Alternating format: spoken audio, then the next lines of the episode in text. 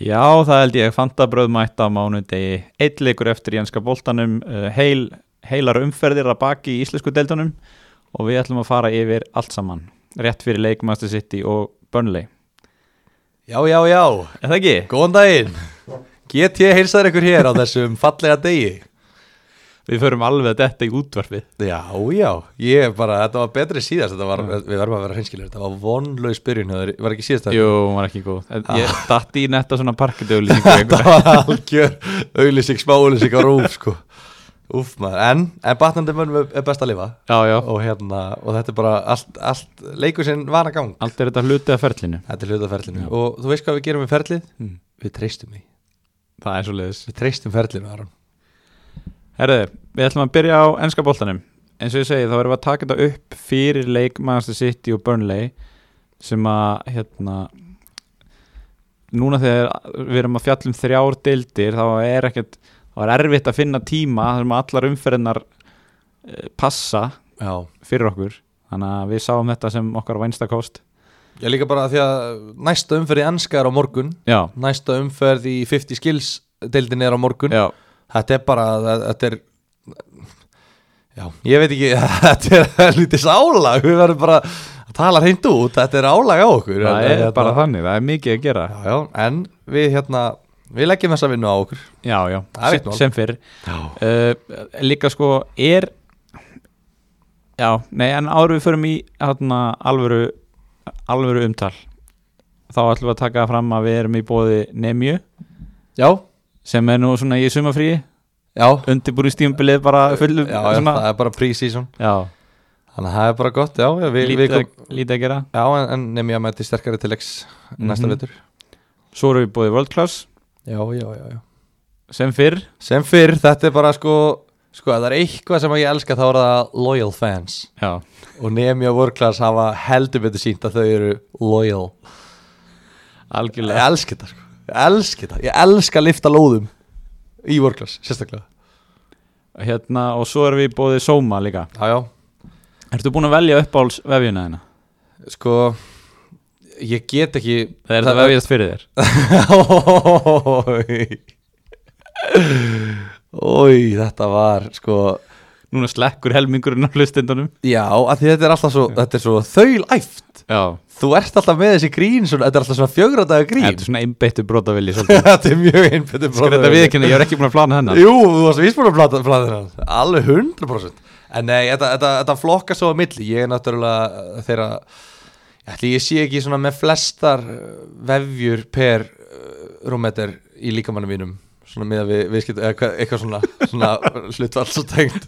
Ég ætla að virkur, ég er dykkur kunni Flestar vefjur með höfðatölu Og hérna, ég fór í barbecue kjúklingin í, í dag Mm. Þannig að hún er í uppáhaldi eins og er Ok, En ég finn að það er stutt í hérna, reykt skinka og egg tímabil hjá mér já, sí, s- time of the season bara Já, svona, þú veist, svona, ég tek svona þrjár vikur á því fljótlega, en þú Já, ég, þú veist, ég er svo sem ekki alveg búin að mynda með skoðun á þessu En eins og ég segi, þá er bara bakkanir eru Þú ert ennþá, að mitt mál þú ert bara búin að vera hám í því gamla góða Hvað veistu þið marga gamli góði bakkin í um helgina? um helgina Já. nú reyndar ekki um helgina sko Ha? Nei, ég, hérna, ég, ég kem sterkur inn þegar nýtt tímabil byrjar bara Já, já, já, já En herru, þannig sem ég ætla að segja með enskaboltan Við kannski reiknum ekkert með að það breytist eitthvað svakalega mikið með leik Manchester City og Burnley í kvöld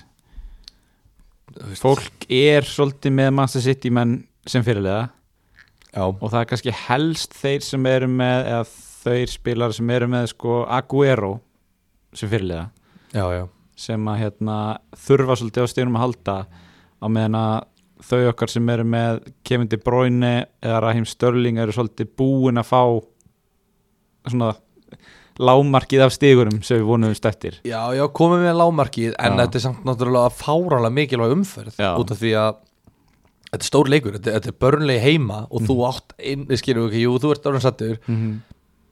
Ég væri samt fúll ef að einhver að sitt í leikmannunum blankar í kvöld sko já. alveg sama hver það er, hvort það er Mare, Störling, De Bruyne, Aguero ég væri bara virkilega þú veist,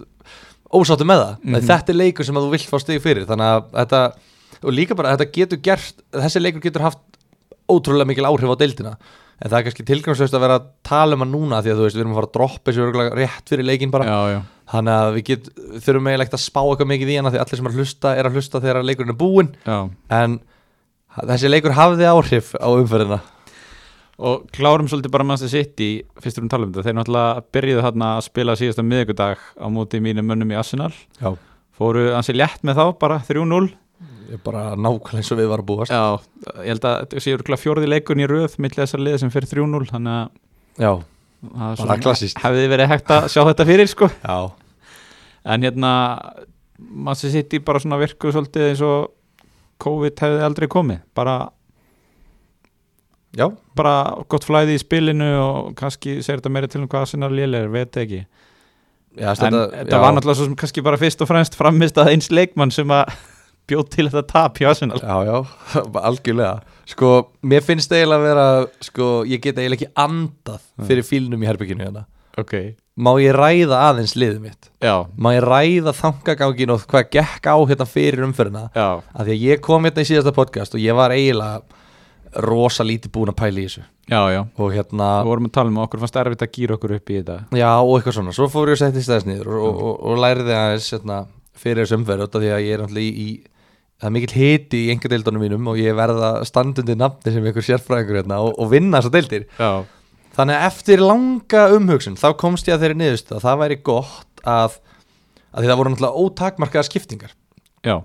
Þannig að ég komst að þeirri niðurst að það væri helviti sniðut að gera skiptingarnar nota vælkarti í rauninni og síðan fríhitta þessa umferð skilur við ok og, e- og þá er ég búin að nota vælkartið og þá Ja. klárast fríhitti í þessar umferða því það var tvöföld umferð, það Mhm. Já. verður örugglega ekkert fleiri tvöfaldar umferðir já, hann hugsaði ég verð að taka fríhitt núna og svo fyrir næstu umferð þá er ég komið með liði sem ég nota þess að vælkarti mitt í skilju, eða ótakmarka skiptingarna já, já, já. kemur í ljós Mm. að þegar þú spila fríhitti Mm. þá nullast allar skiptingar sem þú hef, hafði gert áður þannig að ég er með Já. sama helviti skýta liði mitt og ég var með áður og ég fekk ekki þessa skiptingar og meðan allir fengu frítt auka vælkart og ég var búin að nota vælkarti mitt þannig að ég hefði getað retta mér og fengið annað vælkart og byrja bara búin nýtt já, og átt fríhittið inni en nei, ég kann ekki reglunar eða eitthvað, ég lasið eitthvað vittlust eða skildið eitthvað vittlust, ég held þetta mætti, ég, ég mætti gera þetta svona fekk ekki, þannig ég, er frí, ég er bara með fríhitt núna og svo fer ég bara í sama skýta liðið mitt, bara með alla þessa lúða, með Adrian og eitthvað trúða ég var brjálaður sendi reyði mail á fantasy á, á help.fantasypremjuleik.com þú ert alveg komin þangað Ég var komin þáka, ég var brjálaður og ég bara hvaða fokk í ruggli er þetta bara þú veist, lægi þetta núna og þeir náttúrulega bara síndu mér þetta bara svart og hvítu bara, nei, nei, þetta er bara svona í reglunum og ég, hef- ég hef lesið þessar reglur Fe, svona, Fekstu alveg skýrt svar tilbaka já, bara, já, já, bara svona er þetta, mm. ég var ekkert að blóti ég var ekkert brjálaður, ég var bara, hei, jó þú veist, hvað, hérna, hvað er að gerast hérna já, what up já, þú veist eitthvað svoleiðis, en, en auðvitað þetta er svo stórt og, þú veist, þetta er svo stórt system, það er svo Já, já. marga miljónir að spila þetta, auðvitað vissi ég alveg þegar ég sá að ég var að setja hérna hvað kallar þetta rútuliðið mitt, eða strætó Já, já, já. rútuliðið mitt, fyrir næstu umferð að ég sá, ég fekk svona kaldan svita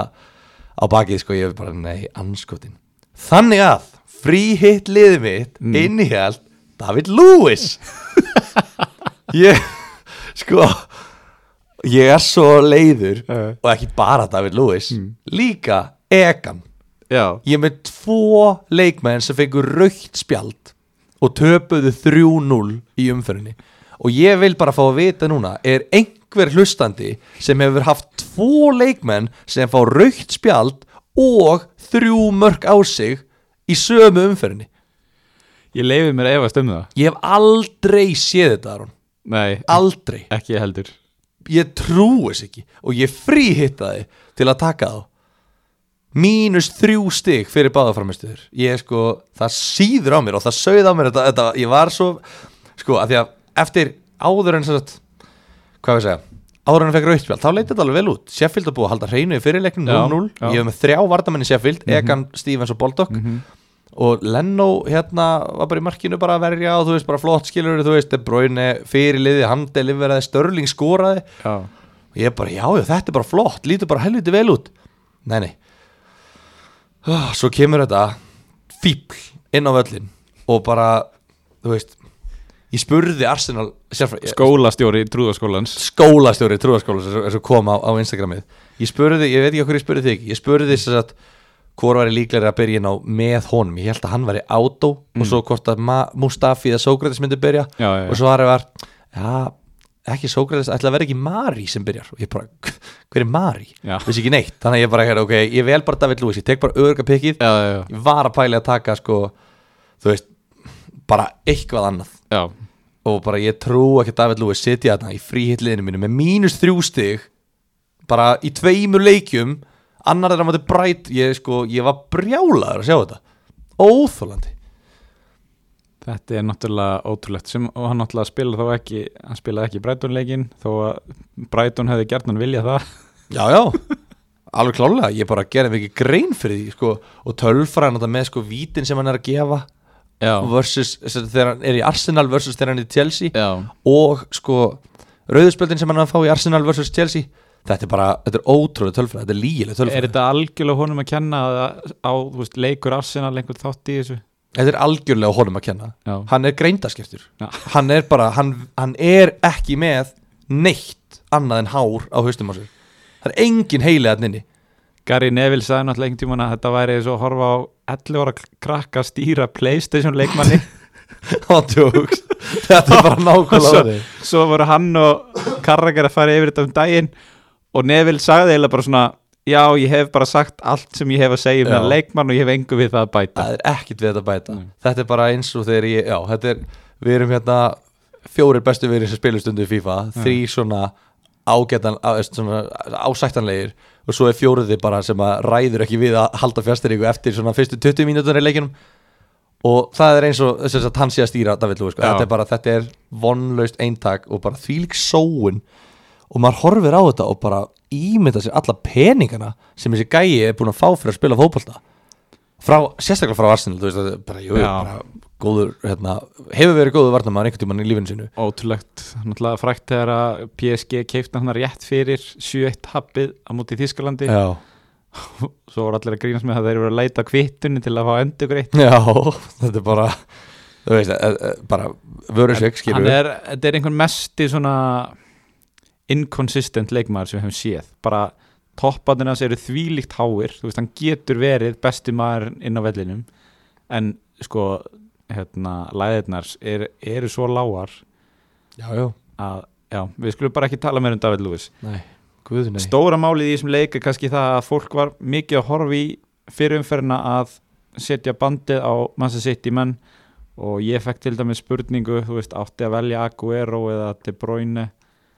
uh, ég sagði að það væri tæft en ég myndi velja De Bruyne Já, ég gerði það sjálfur og hann er náttúrulega með þegar við tökum þetta upp þá er hann með 28 stig úr einu leik nei, sem sagt, sem fyrirliði úr einu leik já, já uh, þú varst líka með hans kaftinn þannig að hérna þetta er auðvitað bara frábært return þú Já. ert með hvað, 72 stig Þetta leit ekkit eðlilega vel út sko. Já. En svo bara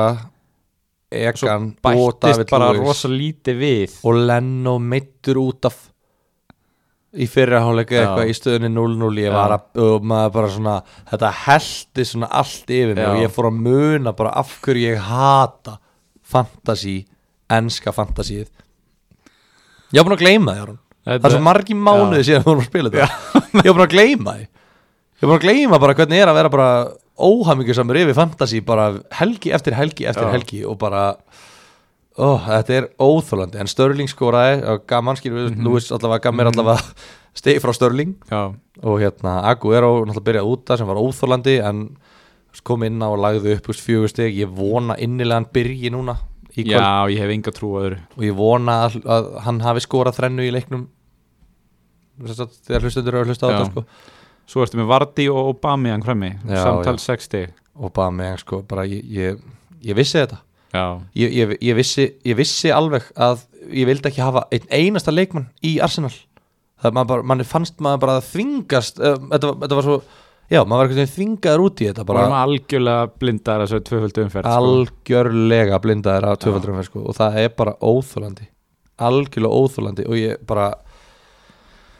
bara reytt já, þú veist, Jiménez að skila og Bruno Fernandes að skila bara svona, þú veist, það er svo margt sem að maður hefði getað gert við peningin annars sko. já um, þú veist, við ætlum svo sem ekki að renna í gegnum þessa leiki eitthvað mikið sko, þannig að alltaf svona eins og einhver sagði, vor bragur á þessu Þú veist, Já. liðin eru svolítið styrð Já, af stað fyrir utan kannski Manchester City uh, Southampton rúlar yfir Norvits, Danny Ings með Marko Stóðsendingu já, uh, þú veist, Tottenham 1-1, Master United Pogba kom inn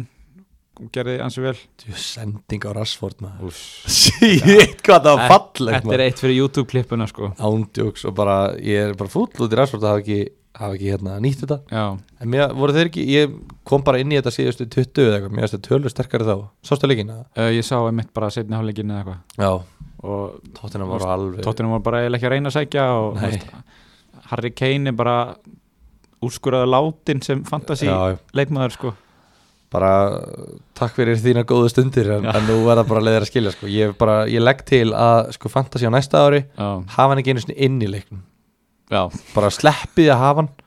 bara þú veist, þetta er bara algjör óþarfi að hafa hann þarna, hann gerir ekki raskat þannig að þú veist, já óskup lítið um þessa leiki að segja svo sem og, Já. og bara maður svona maður er vanalega þegar enski bóltinn er í gangi ef maður er alveg heldtekinn yfir leikjum eins og bara Vestan Wools og Bornmoth Kristapala sko, maður hefði horta á þetta allt svoleiðis í já, einni já, sirpu já, en ég viðurkenni það fúslega að Pepsi-deildirnar uh, hérna voru ofar já, er í Þeir meiri höfðu- forgangi já, bara út af því að það er svona nýtt og ferst og maður vil Já. bara, þú veist, maður, maður vil sjá það frekar heldur en eitthvað svona Já, ég meina það eru tvö markalus jafntefli so far í þessari umferð og þú veist, það var markalust hjá Watford og Leicester frá mjög uppbúta Já. tíma þannig að þetta er svona Það er hægt af stað einhvern veginn og Newcastle ansi mörg Sheffield núllana og Vestham Wolves voru ekki 0-0 í báðum hálfleikum þar Já, þetta er svona hægt af stað en svona eftir á að hyggja þegar ég skoða liðið mitt núna sem er framundan mm. ég er ekkert eitthvað brjálaður að vera ennþá með sama liðið að því ég er með þrjá í vúls Já, og já, ég já. er bara helviti sáttum með það mína Matt Doherty, hann hérna lagði upp markið ekki, jú, jú fekk 12 stig klassísku 12 stigin hans Já, Jimenez flottur, ég er, ána, ég er ennþá með hann þú veist, Diego Hjóta, ég þarf reyndar aðeins að fykta í honum en ég náttúrulega er ekki með Kevin De Bruyne í liðinu mínu, af því ég seldi hann þarna manstu, úff ég seldi hann af því að ég þurfti bara að taka eitthvað sjans og hérna og ég er ekki með hann í liðinu út- en ég náttúrulega tók hann inn í skipt í hérna, vælgjartinu sem ég gerði sem að gildi svo ekki út af fríhetinu Já, já, þannig að ég er án hans og ég er að pæla í að sleppa því að taka hann út af því að hann á Chelsea og Liverpool í Já. næstu tveimur og ég verð að treysta á það að, að hérna, Lampard nái bara að kokka upp einhverja ótrúlega uh, varnartaktík já þeir eru náttúrulega ekki með David Lewis lengur Nei. sem er mjög jákvæð Það er gott fyrir þá þannig að ég hef trú á þeim og, hérna, og svo er Liverpool eftir það og, og þannig að ég, ég vona að ég lifi af næstu tvær umferðir og þá á ég smá uh, sens í, í Já. deildunum Ég hérna saði frá því hérna síðast hætti að ég væri svona ekkert mikið spennti fyrir þessu og sæði ekki fram á að gera neina breytingar en uh, svo náttúrulega komst ég að því að eina leiðin til að lifa lífinu til fulls er að gera, taka fullt af heimskulum ákvörunum á síðast stundu þannig að hérna ég gerði fimm breytingar og ég seldi ég seldi sko Sala, Trent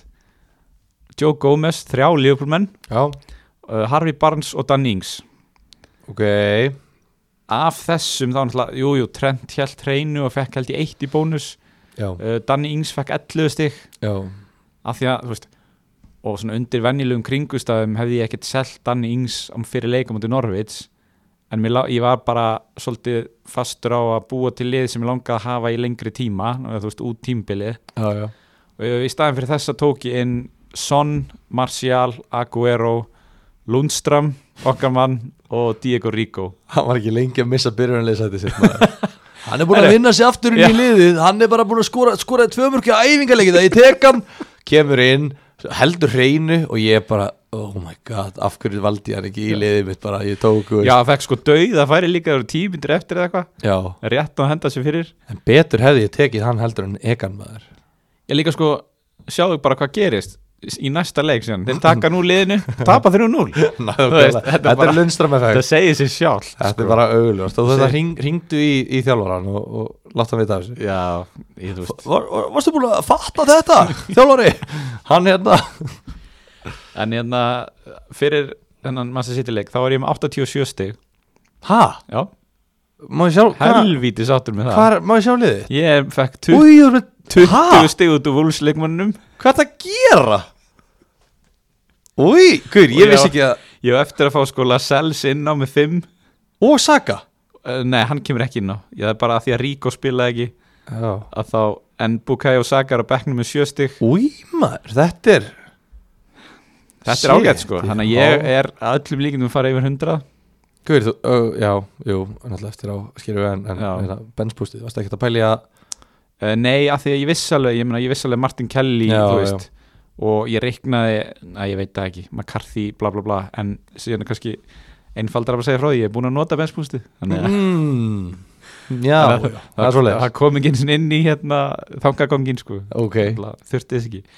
en þú veist miðjan mín núna uh, Ma- Anthony Martial, Bruno Fernandes Hjungvinsson og Kevin De Bruyne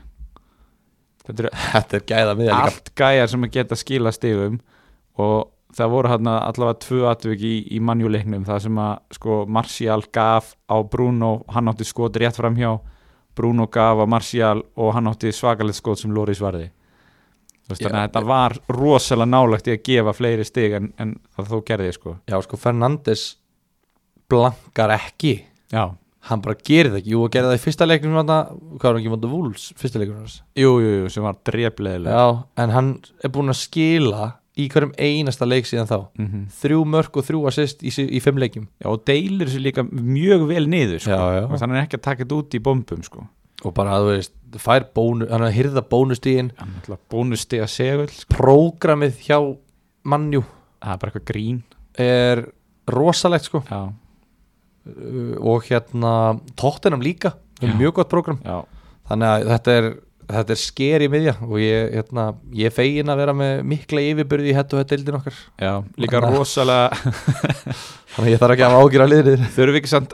að tækla það bara örstuðt Jú, head to head deildir það eru, voru margi sem að, það eru margi búin að vera að spurja já, þær eru cancelled Nei, veistu- nei sko, þær eru bókstaflega þær voru cancelaðar af þú veist, þetta er ekki eitthvað svona uh, já, það- Obama er cancel Já, já, þetta er þær ekki- eru bara búnar þetta er ekki einhver skoðun okkar þetta er þeim bara er, staðreind þær eru, já. þeim er lokið já, St- þess að trúðarnir sem er að stjórna Fantasy Premier League sem svöruðu mér, tölvupastunum já, þeir, þess að, hvernig er þetta head to head deildirnar voru bara stoppaðar já. og bara búnar í umferð 30 eða eitthvað Mm og ef þú ætlar að halda áfram með head to head deildina þá þarfst að stopna nýja já, head to head deild já, sem er náttúrulega glórulust af því þá er fig, öst, hérna, fixtures eru allt öðruvísi þú, ert að, ma- þú ma- já, ræður já, ekki já. fárálegt þannig að basically þetta er bara hérna það þarf bara að fælla allt niður Já. þær deildir sem ég er ekki að vinna head to head deildir það sem eitthvað er undir ég geti glemt því að, að fá neitt frá Að mér rukka þaðan, það já, eitthvað ég inn. geti glemt því strákar því að ég, hérna, ég er ekki að fara að standa í því að því að þetta var bara búið ég var búin að reikna með frábærum endasprett búin að geima öll tipsin mín og allt Mhm. og við getum ekki byrjað upp á nýtt út af því að ég var búin að mæta hérna erfiðustu anstæðingunum og ég átti létt prógram framöðan já. þannig að hérna þannig að það er bara sorglegt en, en margir sem voru að spurja og margir sem að stóðu bara algjörlega á gati með þetta skiljanlega af því þetta er glórulegs ákvörun Mhm. en ákvörun enga síður en ég fæði hérna fyrst fyrir Martial og Son sem að einmitt hefði geta verið meira Eh, 5 fyrir Lundstram, 12 fyrir Doherty og 8 fyrir Jimenez það var rosalegt sko ótrúlega gott hól þar og svo 13 fyrir Henderson í markinu þrátt fyrir að hann hafi tapað 3-0 hann fekk hann alltaf 11 stík í fyrsta leiknum já. þannig að hérna þetta var, það verður ekki annað sagt en að þessi er, er, hérna, return of fantasy hafi verið gjöful þó að eh, úrslit Arsenal hafi ekki verið eftir bókinni Nei, það helst átt í hendur Já. en Herri. já, hvernig hérna ef við ekki bara kíkja á næstu umferð jú, er ekki bara Sala á bekknum, já, Sala, var hann meittur eða? hann var að setja á bekknum og spilaði ekki neitt já, er það ekki jú þannig að það lí- lét mér líka líða mjög vel með þá ákvörðun að selja hann. Já, já, af því að þú ætlar að selja hann og svo kom ég með eitthvað punkt en eitthvað Já, fyrir já, tillinu og já, þú já. eitthvað, ok, Já. ok, nei, ég er Já. hættu við og svo fórstu heim og seldir hann Alveg, en já, það er hérna þetta var góð sala Uss Ha, fattaru? Já Herru, næsta umferð byrja bara á morgun klukkan 5 með leik Lestur og Brighton Yes það er bara hellingur um að vera og svo er Tottenham Vestam strax þára eftir uh, hvernig lítur liðið þitt út Ertu, og það tala um að vera brjálar en samt ekki Nei, veist, að því eins og bara, veist, ég er með Dele Alli já, og ég bara, hvað á ég að gera við Dele Alli og Mm. hvað á hann að gera fyrir mitt lið uh, mín spá er bókstálega ekki neitt en þeir eiga vestam heima mm -hmm. og ég geti eiginlega ekki beðið um betri viðrögn heldur en vestam heima neip þannig að ég mér finnst ég neyðast til að halda honum skilju, mm mér langar í Bruno Fernandes ég get uppgreitað Alli eða Mares fyrir Fernandes, já, en ég hugsa þú veist, ég er ekki með kemur til bröðinu, ég þarf hann eftir tvo leiki mm. ég þarf öruglega að fykta eitthvað af því að hann er miklu dýrari þannig ég er að pælja að halda Maris og Ali eftir tvo, svona tvo leiki þá get ég selt Aubameyang og hérna keift einhvern ódýran sóknumann og hérna De Bruyne í staðin fyrir Ali og Já, Aubameyang já, já. eða eitthvað skilur við þú ætlar að vera með Aubameyang í þessum næstu tveim leikjum móti Southampton og Norwich ég, meni, ég get ekkert annað ég get ekki selt hann fyrir Southampton og Norvins nei, eins illa og ég fíla samt að hafa skil, ég þól ekki að hafa eitthvað svona þegar er eitthvað svona umræða eins og bara David Lewis ég vissi ekki að það væri eitthvað fyrir að ræða eitthvað samning já, Þú veist, já, já hvernig dettu ég mér huga að vera að ræða samning við hann í fyrsta lagi og í öðru lagi, þú veist, ég bara fattaði það ekki og svo bara er, já, ég hérna sorry, þú kemur eitthvað að saka harður í vitu ég skeit á mig hérna, þetta er bara út af samningsviðraðanum já, já, já, herru, mættu bara í vinnun og grjótalt og kjá, það er ekki svo hann sitji við borðið í samningaviðraðanum sko. nei, það er nokkulega ekki svo komið nála þessu, hann segir bara já, herru, hérna, umbásmaður, getur þú gefið mér cash og bara búið, hann, hann gerir ekkert annað svo fer hann bara heim og bara, bara jógurt og banana og er bara að undirbúa sig, eða á að vera að gera það já, greinilega ekki að gera það þannig að ég, þú veist, en þetta er alveg svona, þú veist Bornmoth heima miða við Krista Palas sem voru eftir, um, eftir mínum heimildamönnum tölvöld betri, mm þá finnst mér bara allt í lagi að vera með tvo sóknum en þá með Bornmoth heima uh, einu svona, já, þú ert með Diego Sjóta og Jimenez já, frammi, já, Óta Óerti líka já, þú veist, ég kom, ég er með Nick Pope í markinu og þú veist, og hann á þægilegt program, hann er með Watford, Krista Palas Sheffield og Vestham í næstu fjórum mm -hmm. þannig að mér líður alveg svona ágætlega það er kannski Votvort leikvinnindir, þú veist ég er með Greg Cathcart uh, í vördinni mér minnir að Newcastle og Burnley roteiti rosalega vel já ég ætla ekki að svara, eða, þú veist, ég, Ég ætla ekki að svara. ég, ég manna ekki þetta er ekki svaravert já, en mér, mér, mér var eitthvað að skoða þetta og mér minnir það þannig að þú veist, sko, ég var að skoða líka vörnin eftir að Lascelles og Matt Ritchie komu tilbaka já, hjá, Sheff- hjá Newcastle Mm. og þeir eru með núna fimm hrein lög í síðustu átta leikum nákvæmlega og þar á undan voru þeir með sko eitt reynd lag í síðustu sjö leikum eða eitthvað er Ritchie varnamaður? hann er vardamaður og hann fekk Ah. átján stig hann var með mark og stóðsendingu og bónus og reynd lag og allt skráður vardamaður en hann kostar 5,3 á samt meðan ekki nema það, skilur þú veist hann er samt bara með 48 stig hann var með 30 stig á tímabilinu fyrir þennan leik sko já, hann er alltaf ekki búin að spila neitt uh, hann er bara ekki búin að spila neitt nei, það er skilur, hann er búin að spila einhverja þú veist, áttaleiki eða eitthvað Já, og síðan hann kom, þú Já. sérð bara um leið og hann mætir, já, þá bara fara þær að loka fyrir þannig að ég er svona veist, ekki það, að hann sé bara eitthvað kóngur að á kantinum að stoppa allt en þú veist, njúkast lítið bara miklu betur út einhvern veginn og þeir eru að þú veist Astovil og Bornmóð og Vestam í næstu þremur þannig að þetta er svona, þetta er eitthvað sem þarf að skoða já og líka bara veistu hvernig ég er með í liðinu mínu hver, veistu hver er á bekknum hjá mér hver, ég get uppgreitað í Matrici mm. Niklas Otamendi ég er með Otamendi í liðinu mínu Þú veist, það hvað var að er sama hversu oft þú reynir að selja hann, einhvern veginn finnur hann alltaf leið til að koma aftur hvað var að gerast fyrir COVID sem var til þess að ég var með Otamendi í liðinu mínu ég held að þú hafa verið blindast af þessari tvöföldu umferð Ah, Manchester City já. og Arsenal en hans þess að þetta er ekki að vera að spila neitt meira á tífumbilinu, reiknaði með bara, sökum, bara getuleysis já, þannig að ég er að hugsa að taka Lascelles fyrir Otamendi eða Ökkrita Irici þannig að þetta, er svona, þú veist, þetta lítur bara ágætla út um, ég er með Sala sem fyrirlega eins og er mm -hmm. ég ætla að skoða aðeins betur, eina svona aðeins betur að glugga í hérna ástæður uh, hans fjárveru já, En ég, ég trú ekki að hann sem mættur í næsta leikur sko, hvað mittist hann uh, í sófanum eða þú veist hvað hva gerðist skilur já, já, mitt þannig að en mögulega, mér líður ekkert illa með Jiménez sem var að fyrirlega nei þannig að þetta er bara svona já, bara allt í lagi Hvernig ég liðið er að þitt? pæli að henda Sonny kaftin, Já, hvernig listir það? uh, mér líst Er að vestam heima? uh, á, af öllu sem þú ert með líst mér bara, jú, jú þetta er bara ágætt ég, þú veist, ég er ekki að fara að setja bandi á Aubameyang í þessum leik Nei, þó að gerist líklega í Norvidsleiknum uh, eini þú veist, ég þóra ekki að setja á Fernandes eða Martial að því að bara Sheffield United halda oft hreinu þó að reyndar Henderson verið ekki með í þessum leik sem er skellur mm uh, ég held að sé bara milli Son eða Jimenez allavega hjá mér sko ég er ekki að fara að taka De Bruyne eða Aguero í Chelsea leiknum okkur ekki til brunni mm, bara þú veist þetta er Chelsea út í velli Og hvað? líka bara riskið á rótiringum og annað þú veist. Já, en já, já, ég veit ekki sko. þetta er þetta er alltaf pæling, já, eigum við að færa okkur yfir íslumstildunar en það ekki ég held það bara Búm og að því að það er stittra í leik hjá stelpunum þá ætlum við að taka það fyrst Menn þurfa að vera fljótir já, Þetta er, svo, þetta er hratt tempó Æ. Það er bara að byrja á morgun Næsta umferð fljótt að breytast Næsta umferð á morgun Og það eru þrý leikir Fylki þróttur, FH Selfoss og Breiðablik KR Uss. herðu, kannski bara fyrst hvernig gekk í annari umferðinni Mér gekk helviti vel já, Og mm, þetta fer bara Þetta fer eiginlega bara Ég ætla að taka mér þessi gleru Ég sé ekki nýttina uh, Nei, ég eru hvað er ég að gera það þú fegst 57 stig Já, sko Ég er í þriðja sætt á landinu já, Ég er bara helviti sáttur með þessa byrjun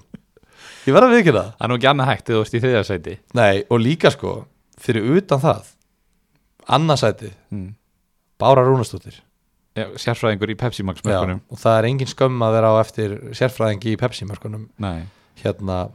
og fyrsta sæti Það er nú það besta mm. Veistu hverju fyrsta? Margrét Árnadóttir Leikmaður Þórs Káa Auðvitað er hún á, í fyrsta sæti á landinu Þegar hún er með sjálfa sín Hún er örugglega eina sem datt í huga að vera með sjálfa sín í liðinu Og hún er búin að vera að delivera Skora tömörkum á dýpi vaff Hún er með 15 stig Hún kostar 5 miljónir, þetta er bara bargain Hún er með Karinni Maríu, hún er með Örnu Sif þú veist, Hún er að delivera byrju hérna er hún með 10 stig ha, Margaret fekk 10 stig í umferðinni sem sagt Já, já, leikmaðurinn já. já. þú sagði 15 hún, er- já, hún er með 15 stig í fyrstu Já, tveimur já, leikjum, já, skilur, já, hún, er- samtals, hún, er í já, fyrsta já, set- já. hún er í fyrsta setta landiru já. L- veist,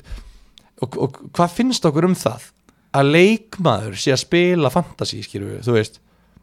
ég veit þetta er bara til gamans Já. en samt svona, þú veist, það er alveg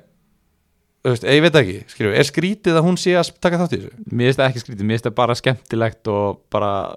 frábært krydd í þú veist, fótboltasumarið skilur við er það ósangjarka hvort öðrum leikmönnum að hún er í liðinu, hún veit innanbúður upplýsingar í 10% liðana og undir er til dæmis eh, ferð fyrir tvo eh, á leiki í enska boltanum ég Er held, það sanngjarnt? ég held bara að hérna, fólk geti ekki farið að kvarta undan einhverjum svoleiðis atriðum sko. ef ég tapa með einu stíi í síðustu umfyrin á móti henni út Já. af því að ég kom með hana í liðið mitt og hún byrjar svo á bekknum og hún er búin að selja sjálfa sig og kaupir, þú veist brindisörnu í fylki sem skora ég verð brjálaður, sko, ég get alveg sagt þér það við skulum bara hafa ágjur af því þegar að því kemur það mun að því koma þannig að Já. já, ég ekkert mál að býða með það en hérna, eins og ég segi, þú vekst 57 stig bara sáttur með það já, bara þessi ákvörðun að vera með Huldu Ósk og Karinni Marju tvær frammi í Þór Káa þetta er að borga sig þetta er ótrúlegt því líkt þ- þú veist bara hefni, þetta er bara algjör hefni þetta var svo random einhvern veginn já, fast bara inn á þetta þetta var bara fantasi tilfinningin ég bara, ég smellaði þetta það var einhver, einhver líkt þarna af Akureyri sem að leit vel út Þór Ká er heldur betur svona kannski ekki búið að koma óvart en búið að koma okkur óvart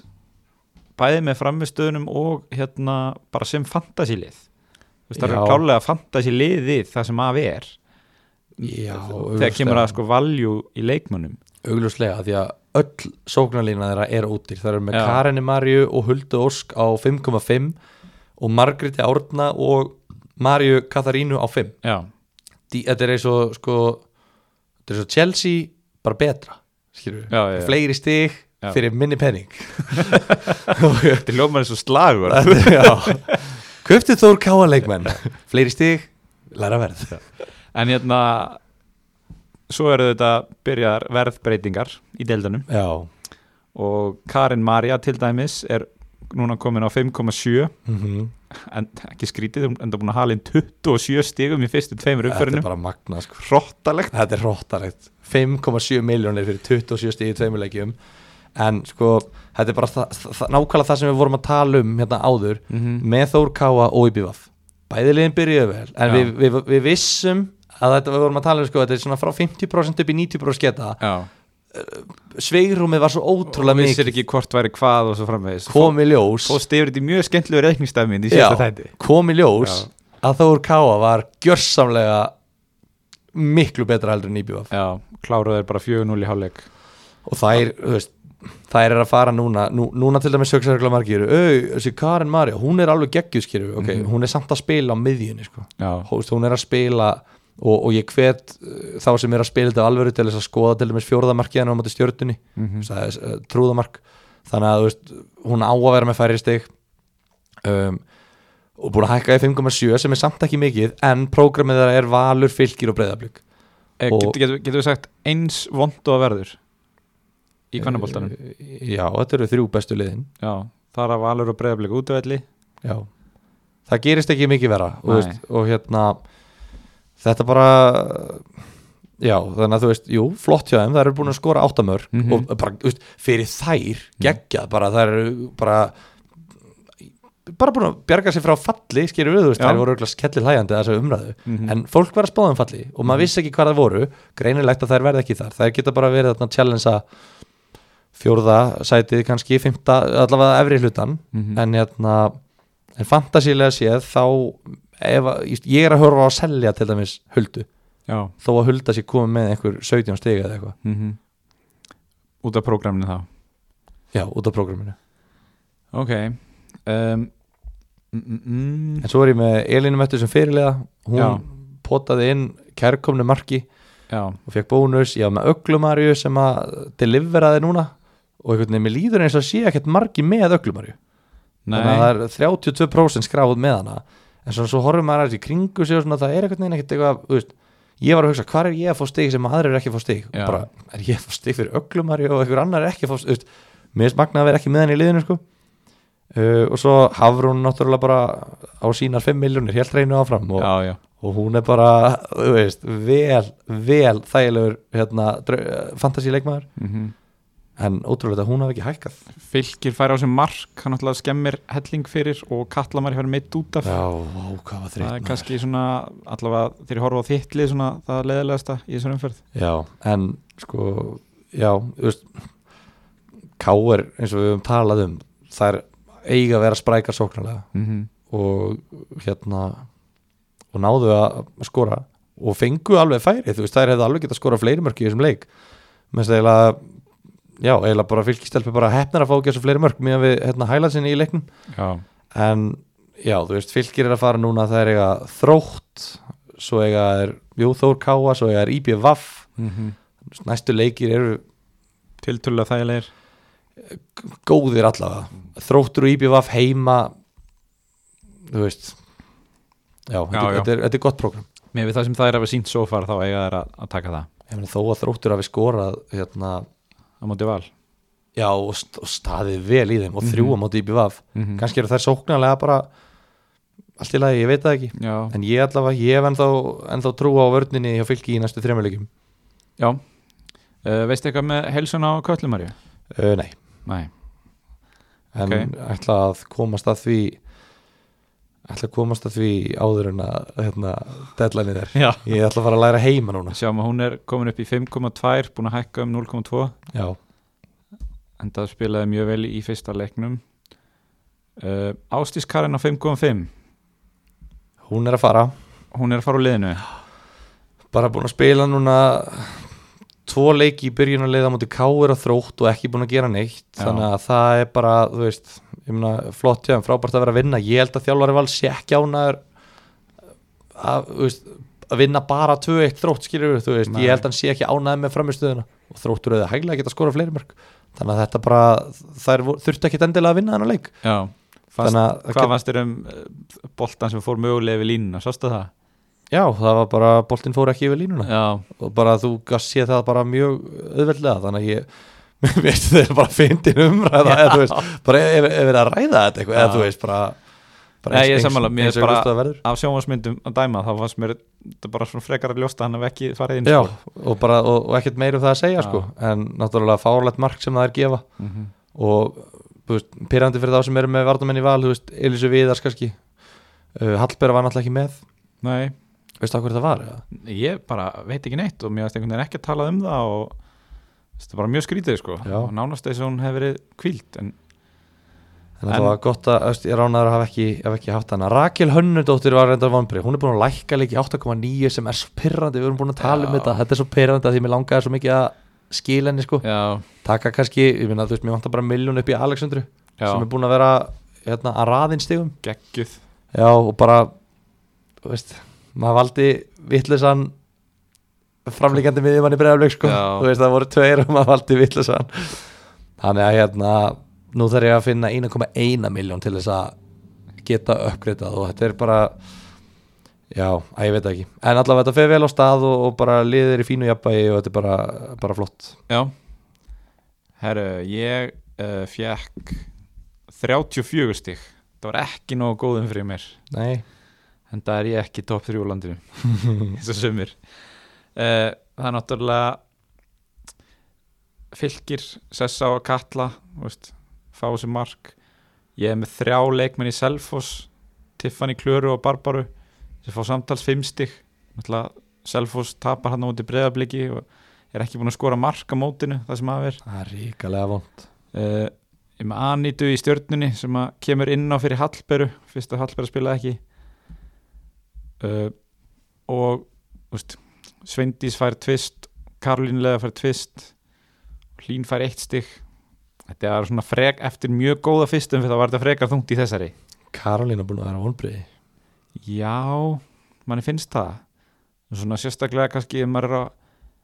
bera hana saman við Alexandru þú veist, bara búið að koma rosalega mikið út úr Alexandru, hún hefur virkað svona mjög hættulega í báðum leikjunum og náttúrulega, Já, já. þú veist, skoraði í þeim báðum og, og annað sko þannig að, Já, bara, þú veist, hún fekk dauða færi þarna á móti, var þetta ekki hún sem fekk færi þarna á móti Selfossi, held ég og bara illa klár, eða þú veist, maður bara svona hún, bara hún, svona nánast rendum á markmann á, já, hún bara á að vera komin á blað, þú veist, bara bara perandi fyrir þá sem eru með hana, ég, Já. ég var að kúka í mig að vera ekki með hana, sko ég var Já. bara, hvað er ég að gera, taka rakil hönnu fram, skilju, en þetta er heldur betur búið að sleppa, sko, ég Já. held hún myndi refsa mér meira fyrir að hafa hann ekki hún er með 30% eignar hlutfall og er á 7 miljónir þannig að það gæti fyrir að lækka ef hún skilar ekki bara strax í næsta leik já, ég á vona því En þess vegna þá er wildcard active hjá mér Þa, það er svoleiðis, Já, mig grunaði það er það? Já, það er tværum verið búnar Ég sagði þér að það væri þú veist, Þess vegna áttur að hafa Þór Káa stelpur og, svo, þú veist, þú veist, bara, ég, ég vissi að þú kæmist ekki skrefinu lengra heldur en tvö- það er umferðir á þess að velga það Ég, meira að segja- ég er að pælja að velga það sjálfur sko. Já, okay, Fyrir þá sem er að velga það núna já hvað, Hvernig lítur liðið þetta út? Eða, þú veist, hva, hvað verður maður að hafa í velkartliðinu sínu? Sko, fyrir mér var fyrst að inn í liði var Alexandra Jónsdóttir um, og næsta var kannski, ég meina eins og Tiffany McCarthy í Selfossi, hún lækkaði um 0,1 Já, já, og ég var bara svona æ Selfoss er bara ekki búin að delivera og, og líka bara ekki líta vel út þú veist, ég horfði á leikin þeirra á móti breyðabliki og það var einhvern veginn bara svo lítið flæði fram á við, það var ótrúlega langt á milli miðju og sóknar þú veist, miðjan var einhvern veginn ekki að koma í setni bylgjunni eins og hún, mann fannst hún hún gæti gert já, já. og það var helst bara svona að það, er, að það gerðist eitthvað þegar að Fríða fekk boltan út á kantinum og átt að töfra eitthvað fram En sko, nú var mest umræðan um að Selfoss hafi bara stjórna leiknum og verið tölu sterkari aðilinn og eitthvað svona á móti breyðarblik sem er bara eitt og tveimur náttúrulega bara bestu liðum á landinu Já, Þú veist, Ertu ekki svolítið fljótur að dæma þær út frá Jú. leik á móti einu besta varnarlið landsins og einu bara Al- al- Íslandsmestur algjörlega sko af því það er eiga FH úti í næsta leik og Já. FH stelpur hafa núna fengið á sig eh, þrjú- sex mörg í tveimur leikum mm -hmm. og líta hrikalega illa út já myndi maður ekki akkurat fjárfyrsteðið núna Jú, sennilega sko En, hérna, en ég varð bara að gera það sem ég taldi best fyrir mig ég er bara að spyrja já, bara, bara, ég er bara að pæla, ég er bara að velta steinum Já, við kannski förum bara í gegnum við hérna og dæmum þetta Sko, það var kannski pínu Ég gerði engar breytingar á vörninni Þrátt fyrir að, að ég var að taka velkart ok, Sem er skrítið En ég hérna stend við það bara já, Ég- ég, þú þarft ekki að gera neina Já. breytingar þetta er að líta bara ágætlega út Svo er náttúrulega með íslenska boltan Ég meina, þetta eru átjón umferðir í þessari deild Þannig að það skiptir máli að vera fljótur að detta inn á liði sem við ætlar að nota já, og mér, þú veist, þess að ég segi ég hef oft sagt í náður, ég tek yfirleitt valdkarti snemma og allavega í íslenska boltanum finnst mér að bara vera að borga sig sko. já, þannig að ég er ennþá með Hárún Rakel uh, Barboru og Hallberu í vörninni uh, Kött, Kötlumarju og hérna, Rebekku hérna, Tevara, já, já, Rebekku Sveris og svo á miðjunni þá er ég komið með Alexandru, Hlín Karlinu og svo er ég svona eins og er er ég með í, á miðjunni hérna tvær úr stjörninni sem að skoruðu í síðasta leik já. Betsy Hassett og Shamíku Fistley svona hvað finnst þér um það? Þetta er svona kannski það sem ég helst að velta fyrir mér já Sjamingar náttúrulega kom inn á í, í háluleik á móti FA og, og lokaði leiknum skoraði Gerði tvö mörk. já. og hérna bara þú veist, hún, hún var uh, þegar hún var nýkomin til Íbjöfaf hún skoraði í einhverjum ég man ekki, hún, það var eitthvað rosalega gott hluta hvort hún hafi skorað bara í fyrstu fimm leikjunum sínum eða eitthvað mm hún var allavega dritinn fyrst þegar hún kom til Líbjöfaf svo fannst mér einhvern veginn, mér fannst hún svona hverfa aðeins eftir það, ég veit ekki hvort hún hafi verið meitt eða hvort það hafi a- eitthvað amað að henni en hún er búin að vera meitt núna og er að koma tilbaka úr meðslum frá hérna uh, hjástjörnunni og Kristján segir að hún sé bara svona á- á- á leiðin að vera, vera tilbúin þannig að það er bara uh, bara flott vonandi bara fyrir stjörnuna að hún verði tilbúin sem allra fyrst af því að, að já, hún kemur inn og, og bara refsar með tveimur Mhm. Ég líka mögulega er ég eitthvað að horfa á mikið í að það er að IPVF í næsta leik sem er náttúrulega búin að fá á sig sko sjö mörk í tveim leikjum Já, já, að því svo eiga þær eh, Selfoss og Val Já. eftir það þannig að hérna en þetta er allavega eins og er Ég meina, svo er Betsy Hassett á 5,5 Já, náttúrulega er svona spila sem einhvers konar átta, er það ekki í stjórninni, í, jú, í rauninni svona aftarlega miðinni Já, um, og svo frammi sko, ég tók Margrét Átna á Að sjálfsögðu. 5 maður reynir, reynir að læra eitthvað af, af þessari bestu en þú ert ekkert að fara að sakna, saksa neitt á hana þetta því að hún er með sjálfa sig líka Þú ert að taka Maríu frekar Já En hérna uh, Og svo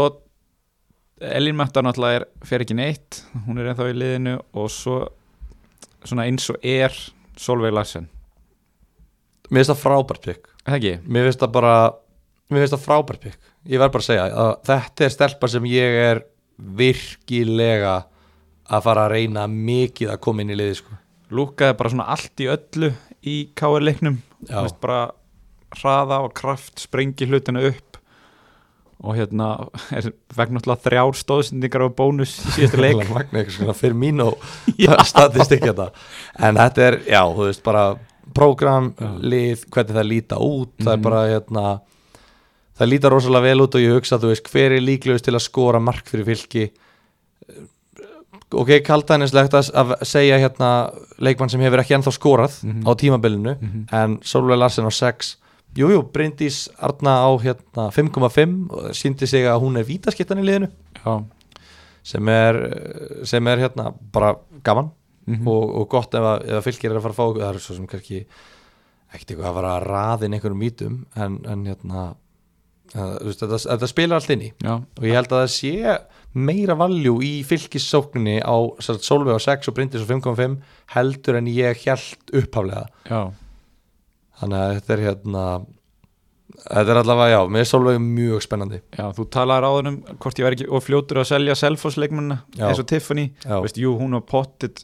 hún var örglega eftir að skora tíu mörk í sömmar, sko en hérna, ég er svolítið að taka þá Solveig og Larsin í staðin fyrir hana já, sem er bara, bara gott og gilt sko Já, það er líka 2,66% með Solveig, þannig að ég geti mögulega saxað á Já, líka punktu bara eins og með Tiffany þú veist það að Alfred sagði sjálfur að hún var bara hún er bara ekki í nógu góðu standi þú Já, veist já. að hún þarf bara að komast í betra form og, Já, já. og hlaupa sig aðeins í gang sko, þannig að Mm. jú, jú, fínt, hún er búin að fá núna tvo leiki til þess og, og hún getur ekki fengið neitt mikið fleiri leiki en það, þetta er bara átjón leikir í deildinni Já, já. þú veist, við erum búin með bara meir en 10% af deildinni nú þegar og, Mhm. og þú, hvað þarf hún, 30% af deildinni til að hlaupa sér í form, eða þú veist, ég veit það ekki hann að ef hún ætlar að vera með í sumar þá þarf hún að fara að skora bara strax í næsta leik að mínum andi, Einmitt. En ég, kannski helsta vandamáli mitt var að ég var bara tæpur á að ná í byrjunlið Þú veist, ég var bara með nánast tíu leikmenn sem að voru að spila sko. hvað meina þú ert með, eins og staðan Já. er núna þá ertu með sko þrjá byrjunarleismenn Já. á bekknum Ég- eins og staðan er núna já, en ég er að segja að þess vegna tók ég valdkartið líka til að því að sko, þegar ég fer hérna í stíin mín að hérna þá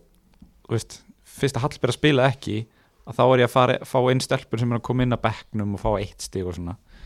þannig að mér fannst, mér finnst ég verið miklu sterkara lið núna þó ég sé kannski að gera fáa breytingar Já, já, þú veist að þú ert alltaf komið núna inn á svipa gameplan og ég er að nota það, þú veist að, að ég er með bara tvo útileikmenn á bekknum, skilur þú veist þess að Mhm. fyrir næstu yfir, ég er með hérna eða fyrir þessum, ég var með Áslaugu Dóru á bekknum mm -hmm. og hver var líka aftur Já, Rakel Hönnu, skilur við, sem, Já. að- sem að er níu miljón krónar miðjumar á bekknum, skilur við, þetta er algjör sóna peningum, en það er bara svo helviti fínt einhvern veginn að að vera, mér finnst ógeðslega gott að vera með breytt og mér finnst einhvern veginn geta gert það núna með liðið mitt, þannig að Já. ég- þú veist, mér finnst það bara flott og, og svona þægilega einhvern veginn en svo líka er alveg mjög gott og gilt að vera bara með allan peningin sinni í byrjunarliðinu og þú ert þá með eins og þú varst með Anitu og hérna Söru Já, í fylki og hann eitthvað í stjörnunni í hérna á bekknuðinum og þú veist þær kom inn á með eitt stig Þú veist, ég fer ekkert fram á neitt meira frá varamununum mínum heldur en nei, nei eitt max tvö maður stig gerir það ekki sko uh, hérna, ég gerði smá heimaðinu fór í gegnum allar átján umferðinar og mér taldist til að sko ef eitthvað kemur upp á að mér langar svolítið að vera með varamarkmann og ég aðtúaði sér satt að, og bara þetta saman og ég komst að því að, að því ég er með sessun allir í markinu í fylki og alltaf þegar að sem sagt, fylkir er að spila á móti Selfoss breyðablika eða val já, þá fór ég í gegnum Þór Káa og tjekkaði hvort að þær væri að gera það líka sem þær eru ekki að fara að gera þannig að ég tók Hörpu Jóhansdóttir á bekkin ok þannig að hérna get þá rótir að henni það sem eftir er á mótinu og ef mér líst eitthvað illa á að hafa sessa í markinu í stórleikjunum þá get ég sett hörpu inn það er reyndar geggjað að fylkir og þór káa rótiði vel já, Þú veist, þetta er eiginlega svona tvö drauma lið þetta eru tvö fáralega svona budget friendly lið þú veist þannig að þú getur alveg mjög þægilega haft sko tvo varnamenn eða tvo sóknamenn úr sikkur í liðinu Mhm. og vá hvað það er þetta er, þetta er góð heima hana já ég, yeah. þú lærir ekki oft heima það er yfirleitt, yfirleitt sendur, sendur það á mig en hérna þetta er mjög góð heima hana þú ert að leggja góða, gott fordæmi hér bara sjaldan og vel já, svona sem ég segi hérna, er þetta þú veist, tæmt, viltu fara í næstu umferð eða, uh, já ekki, ekki bara renna í næstu umferð já Við byrjar á fylki þrótt viltu senda í tölur eða um, þú veist, ég er alveg pínu smeykur við þróttara sóknuna já, Akkur er byrjað að linda líf á bekknum skal ekki segja Þú veist, Jú, örgulega bara það, það voru á móti val eða, þú veist, Já. en, en svona maður hefði haldið að þetta væri só, þú veist, sóknarmann nummer eitt ég hefði haldið að þú myndi vilja hafa eða, þú veist, já, maður hefði bara haldið það en, en hérna, það hefur verið einhver ástæð fyrir því Þú veist, fylgir vinnur það er ættu að ná að halda hreinu en miða við móti káir þá þá þarf aðeins að herða þetta betur og ég hef enga trú á öðru en að, en að mínu menn geri það þarna í orbanum þannig að ég er svona, já, já, þetta er, þetta er bara þetta er bara 2-0 sigur já, S- sama vanalega, sama, spá- ég held ég, held ég minn spá öllum fylgisleikjum 2-0 sigur Ég ætlaði að mynda að segja sama, 2-0 F á Selfoss sko er er FH já nú verður að segjast eitt af lélæri liðum deildarnar s- það sem af er já, já, og hérna hvað sérðu gerast þannig er Selfoss að fara rökku gang eða Eh. FH, jafnvel já Selfoss trekkur í gang þarna mm. það er, hérna, það er ekkert annað í bóði um, FH stelpur að líta bara hrikala illa út það verður bara að segjast eins og er og hérna ég sé það er ekki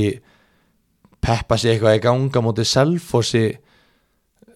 skiluru nei, Selfoss, þetta, þetta er, þær eru særðar þær eru miklu særðari eftir þessa byrjun heldur en FH já, þú veist og, og bara með stórar yfirlýsingar hérna fyrir mót og, og það bara mér finnst engin skömm í því að tapa á móti fylki á útivelli og breyðablík á heimavelli Nei, nei. engin skömm í því, þó Nei, nei. þú ætlir að verða Íslandsmeistari jú, jú, þær eru náttúrulega bara búnar að missa af því núna, eins, Mhm. eins sorglegt þú er að segja það en það er ekki til að skamma sín fyrir en ef þú ætlar að vera Íslandsmeistari og getur ekki unni nýliðana skilur við, og ert í Já. þeir með þrjá leiki án sigurs mm það er orðið skammarlegt og Mhm. vandraðalegt og þann, þannig að þær verða væntalega allar mjög gýraðar í það að, að láta það ekki gerast Mhm. F.O. stelpur verða líka öruglega gýraðar að tapa ekki fyrstu þremur leikjunum en bara þá koma gæðin í ljós og, og Selfoss sem er miklu, miklu, miklu meiri gæði eldur en F.O. Mm -hmm. uh, Allar hendi í tölur Uh, þetta fer uh, bara 3-0 fyrir Selfoss ha, Líka aftur saman ég ætla að segja Já, já, En Við erum svo sem bara kannski frekar við svona, erum sérfræðingar Já, já, frekar saman leysu uh, Breiðablik KR Já uh, Þetta er bara sa- þú veist, Ég vona að það verði einhver ófyrir sjáanleg úslit í Já, þessari umferð Já, En þetta er bara svona og það er bara staðan í eh, deildin er bara tvískipt og hérna og þú veist, breið, Káir á ekki séns í breyðaflik bara ekki séns þetta er bara jú, jú, það leggjast öruglega aftarlega og passa, þú veist að breyðaflik geta ekki gert það sem fylki gerir og, og hérna og sækja hratt á þær, þú veist, Mhm. koma, koma hérna, hægu varnalínunni sinni að, í, í, í vanda já, en þú veist, það verður bara ekki nóhæld ég þú veist, breyðarblik er bara búið að sigla þessu þægilega, bara þú veist, haldar hinnu og bara þú veist, þjættar og, og hérna ætli þetta sé ekki, þú veist, ég 3-0 nei, ég, ég skal segja uh, ég skal segja 4-0, Já, ég ætla að hendi í 3-0 já Valur Þór KR, ég er þetta ekki svona aðteglisverðasti leikurinn í umferðinni Jú, ég menna, þetta eru það,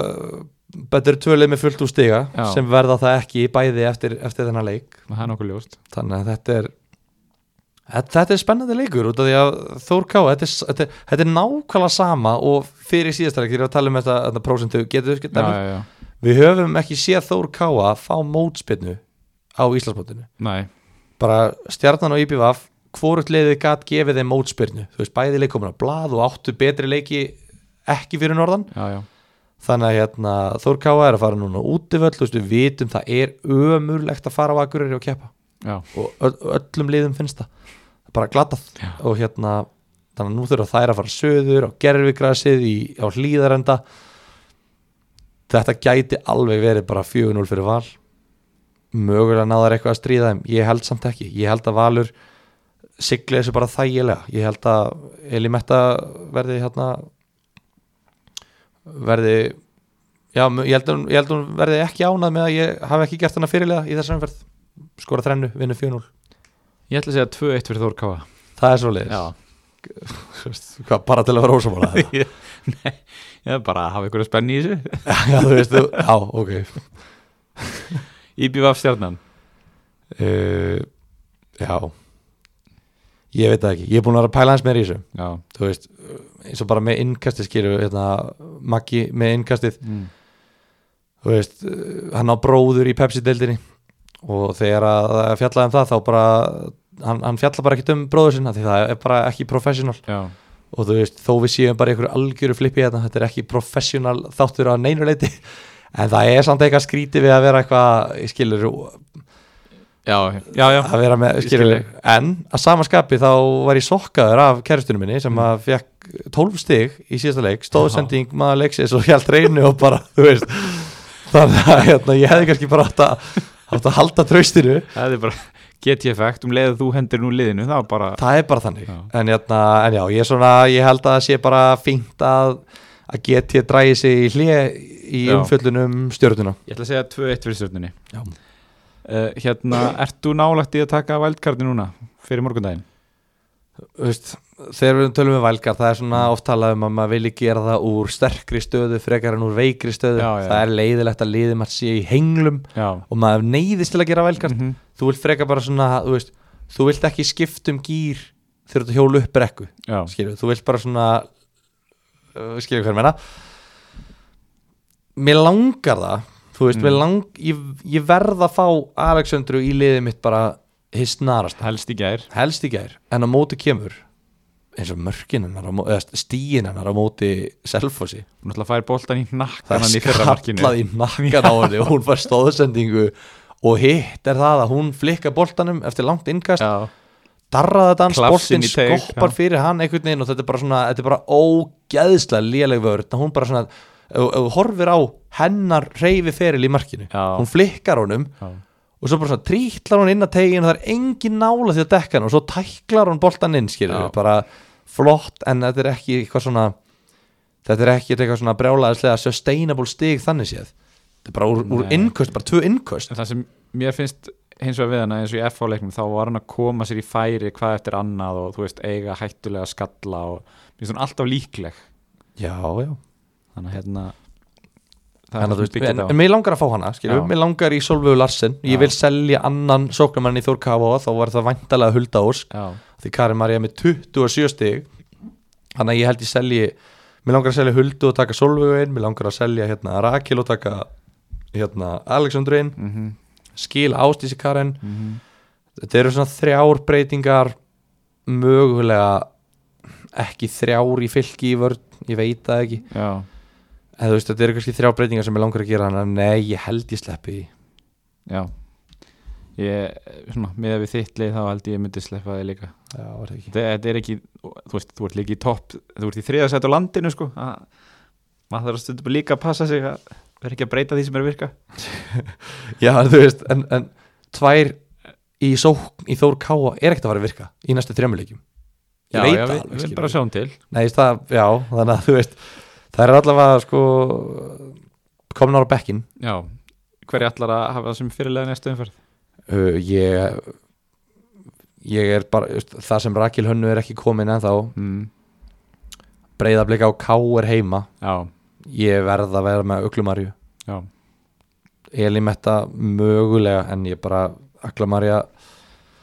minnst líklar að hún sé að fara að setja 20 stig á móti Káar heldur en Elimetta á móti Þór Káa en þú? um, sko þeir sem, þau sem hafa hlusta hérna reglulega á okkur vita það að ég er svona maður sem vinn eftir því sko ég er ekki að treysta á margar bombur í röð þannig að ef að leikmaður fekk mörg stig í síðustu umferð þá er ég ólíklegri til að kaftina í næstu umferð Já, já að því sögðu er ég sæmt svona eins og er þá er bandið á Solveig Larsen Hæ? já Í alveg? Já, en f- sko vara fyrirlega bandið á Alexandru og mér finnst alveg líklegt að það er skipti sko Já Er það ekki? Já, ég, veist, ég, já Ertu ekkert að pæla í Elimetta? Jú, jú, auðvitað En hérna, en ég veit ekki, kannski hef ég bara svona mikla trú á Þór Káa en ég held að það er sé að fara að ná að loka betur á hana en hinn liðin tvö sem hún er búin að keppa móti Já Ég allavega sko, þú ert að setja bandið á sóknamann sem er ekki búin að skora Þróttur voru solid vartanlega á móti val Já, þjættar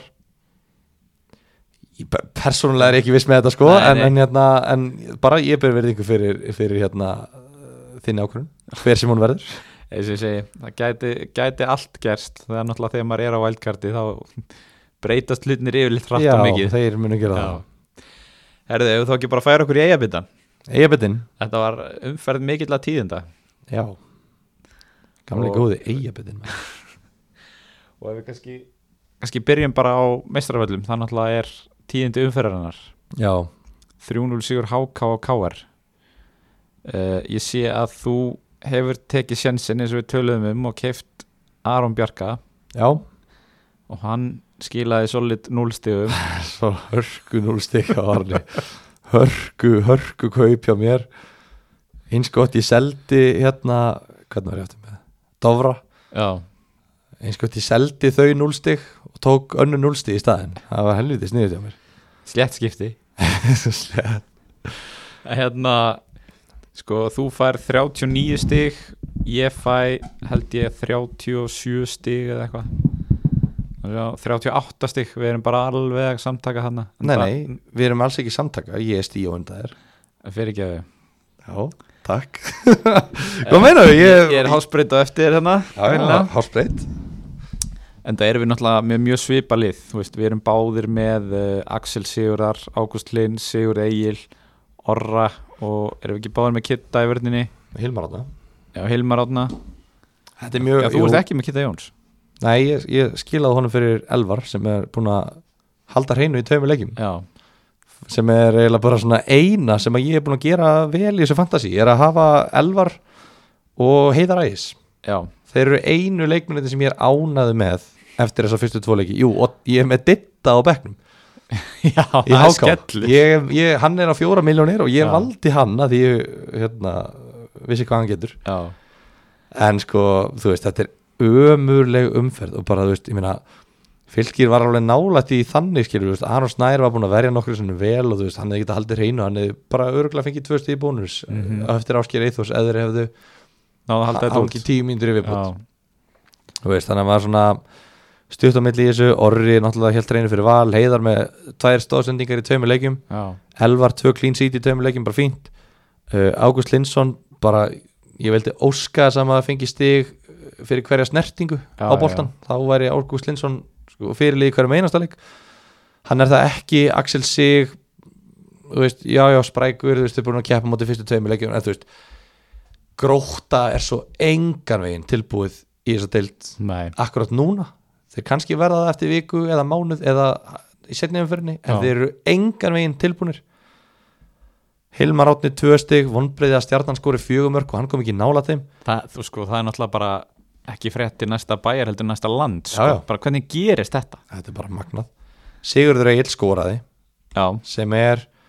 flott mm. algjör lámark að vera í hólunni í 180 mínútur hjá Val þar sem annar leikurinn á móti liðin svo gróttu Mm. og skora bara eitt já, Þú veist, þannig að mér langar bara, ég vil ekki hafa hann í liðinu mínu mér líður,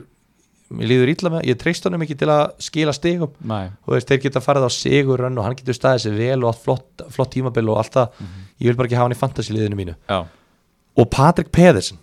hvað er hann að gera? hvernig gata hann ekki skorað í þessum leik, sástu leikin? Nei, Guð minn almáttur og bara óþólandi, óþólandi að hann sé ekki búin að skora, þú veist, hann er alveg búin að fá færin í á það, 12 miljonir og með tvo tvista þetta er bara ekki boðulegt og Tómas Mikkelsen við liðin á honum, bara með tvö stig líka tvöföldu, fyrir liðin minn, fjögur stig og bara, þú veist, reyndar ótrúlega tæp rángstæða þarna þegar hann skoraði Tók hann Enn eitt tvær rang- mínútur að enn eitt rángstöðumarkið að skora sitt fjóra rangstöðu mark í deildinni en, jæna, en ég held að þetta hafi verið frábær ákvörðun í aðstofdómaranum þó, Já. þó myndin þó myndavélinn, hún er svo skökk og eins og ég var að tala um þetta, ég tók þetta rangt í síðustum fyrir skýrur, Já, þú já. veist, fyrst hann tók þess ákvörðun mm -hmm. þá verður aðstofdómarinn að fá njóta vafans þarna Já, já. og, og hérna, þannig ég held að þetta hafi verið geggjuð ákvörun og hérna já, mér til mikillar uh, mæðu sem fantasíleikmaður Já, já maður svona huggaði sér við það, ég hef náttúrulega líka mikil sem fyrirlega, maður huggaði sér við að Hilmar Átni gerði ekkert heldur sko, Já, það, þannig að maður þurfti ekki að sjá eftir ákvörunni það var bara engin fyrirlið sem gerði neitt nema hjá stigahesta leikmanni umfyrirnar eða að taka það fyrir bara, Já, ég held það bara við verðum að klára það Sko, stíðasta liðið í þessari auðferð heitir einfallega Jón Bardal já. Jón er, Bardal Já, sem að er kannski ekki skrítið þar sem að það er maður umferðarinnar uh, Var með mark og stóðsendingu í 3-0 sigri HK á KR á mestraröllum uh, 0,38% eignarhald Já, og það besta við þetta er að hann er búin að vera skráður sem markmaður já, í leikjunum og hann kostar 5 miljónir og ég veit ekki hvernig þetta gerðist veistu það eða Sko, Nei, veist, erum við að ræða þetta, þetta er náttúrulega pínlegt já, ég veit ekki hvernig það gerðist en hérna, ég hef heyrt svona að það var það var einhver klikk í kerfinu Já. eins og ég segja, það, það er svo glitch in the matrix tæknilegir örðuleikar já, og hérna ha- hann var bara vittu skráður inn og var skráður sem markmaður uh, það er verið að leiðrétta þetta bara as we speak þannig að liðið Jón Bardal já, sem fekk 90 stig og er núna að spila sko 3-5-3 já. því að það er búið að færa hann sem sagt, markmannin upp á topp ef það er eitthvað sem næri þessu áður en þessu verður breytt þá endi ég, ég mæli með að fara í stig, þannig að Já. skoða hæstu stig við tökum bara screenshot núna já, það er engin markmaður í liðinu og hann er fyrirliði ekki bara er hann með stig fyrir sko bónusinn og marki sem hann skoraði hann fær stíið sem markmaður þú veist, hann fær 6 stig en ekki 4 stig já, já, já, og hann er með halda hreinu stíin Mm. þannig að þegar allt er komið til alls þá er hann núna skráður með 19 stig já og einhver meistari er með, að fyrir, með hann sem fyrirlega þannig að hann fær 38 stig fyrir Jón Bardal Þetta kemur til með að lækka þegar að clean sheetið er búið að taka á og hann, svona. hann endaði með eitthvað 8 stig eða eitthvað 9, já, markum aðleiksins allir það ekki um, Hérna Já Háká vinnur 3-0 Valgir skorar annan leikin í röð og Já. ég svona velti fyrir mér hvort að ég skuldi ekki persónulega afsökunarbeini það var uh, hlustandi sem að sendi á okkur liðið sitt inn á Fantabröð Facebooki og hérna baðum um álit að því hann verður að taka þátt í fyrsta skipti hann hérna Pétur Ben og Yes. var með Valgir og Hörð Átna og ég sagði já, mér líst vel á þetta liðið en ég hef áhyggjur af prógramum í HK það er ekki gott að þessi að fara að mæta Káur já, Káur eru góðir, en hérna þetta er bara einn stór sokkur sem að maður bara snæðir þú snæðir hann bara rólið þetta Já, núna, já. meðan við hinn er höldum áfram í lífi okkar Valgir er náttúrulega frá vegna axlamesla, já, verður frá í tvær vikur segja menn já, þannig að hann hérna missir allavega valsleiknum Já, sem er bara allt í lagi þú veist en, en, en, svo er gróttu og ía eftir það þannig að Já, það er alveg pæling að kaupa hann þá, er sko, það ekki? vá hvað hann er búin að bæta sér, eða þú veist, maður, maður er búin að sjá og ég er eiginlega ekki búin að sjá neitt annað, já, hérna spörtu sparta heilsurækt eða Já, eitthvað, já. hérna rækt bara hérna við hliðina á. þannig að við gefum þeim bara rósa mér veist þetta vera, hérna þú veist, það sem að maður er búin að sjá hjá þeim Mm. Valgir Valgirsson á hérna Instagraminu enda laust eitthvað að æfa og, og bara ætlar virkilega að ná langt í þessu sérmaður bara mhm. og hann er bara heldurbyrðu búin að delivera í fyrstu tveimur leikjunum þannig að bara geðvikt og bara ókislega flott hjá hann að vera með 20 stið eftir tvo leiki Já, ég er svona fantasilega séð, jú, ég ljótt að segja þetta en það er eiginlega bara ágætt að hann sé meittur út af því að þetta, var, þetta hefði verið þvílíkur höfverkur fyrir mig að hvort ég ætti að taka nýlið mitt eða ekki já, Þannig að nú er ég bara laus við það í byli, þarf ekkert að pæli því þannig að ég get gefið, þú veist, Ágústi Hlins uh, fleiri tækifæri, ég get hort á kannski Þorstin Má Ragnarsson í stjórnunni eða eitthvað mhm. þannig að þetta er bara svona, því færri valmöguleikar og ákvarðanatökur sem maður þarf að eiga því, því betra einmitt uh, hérna, einmitt, eins og við segjum eh, Jónni Bardal er núna verður 5 miljóna sóknamaður uh, ertu eitthvað, myndur þú pæli að kaupa hann sem þriðja sóknamann, Nei, nei, akkur ekki? þú veist ég bara hef ekkert Það, er erfitt, það verður erfitt að taka hann út úr liðinu núna þrátt fyrir sko, að Stefán Ljúbitsis sé að koma inn að, ég meina, erfitt að taka hann úr liðinu eftir þessa framistöðu já, já, hann er ekkert að fara úr liðinu núna Nei, en þú veist, hann er bara samt sem áður og sama með Sigur Sannar Já. þeir eru að bara fylla upp í skörð já, annar staðar Já, og já. jújú, jú, þetta var flottur leikur hjá honum en þú veist ef þú horfir bara á fyrirlina hann er ekki búin að vera að raða inn einhverjum mörkum og bara já, þú veist það þetta er bara, þetta er ótrúlega fallið saga og bara frábært bara fyrir hann, bara ógeðslega gafur og djöðlega er hann örgulega hátt uppi akkurat núna já. Mhm. en þú veist, ég er ekki að segja að hann eigi ekki sjens á að, á að þetta sé ekki sustainable já, en ég verð samt að sjá það skýr, veist, það, það, bara, það er ekkert sem að segja mér að þetta hef ekki verið bara eitt leikur já, hann er auðvitað gýraður í að halda áfram að sína að hann geti þetta og þú veist og ég menna þetta er jafnaldri minn og ég sé hann upp alla yngri flokkana og ég finnst þetta bú, fáránlega vannmyndi leikmaður í yngri flokkum sko já, já. ógeðslega góður í fótbolta en, hérna, en hann þarf sa- þú veist, hann hefur ekkert þetta er bara eitt leikur mm -hmm. og, og ég þarf meira en þú, ert- Þetta- þú ert að segja I need to see it to believe it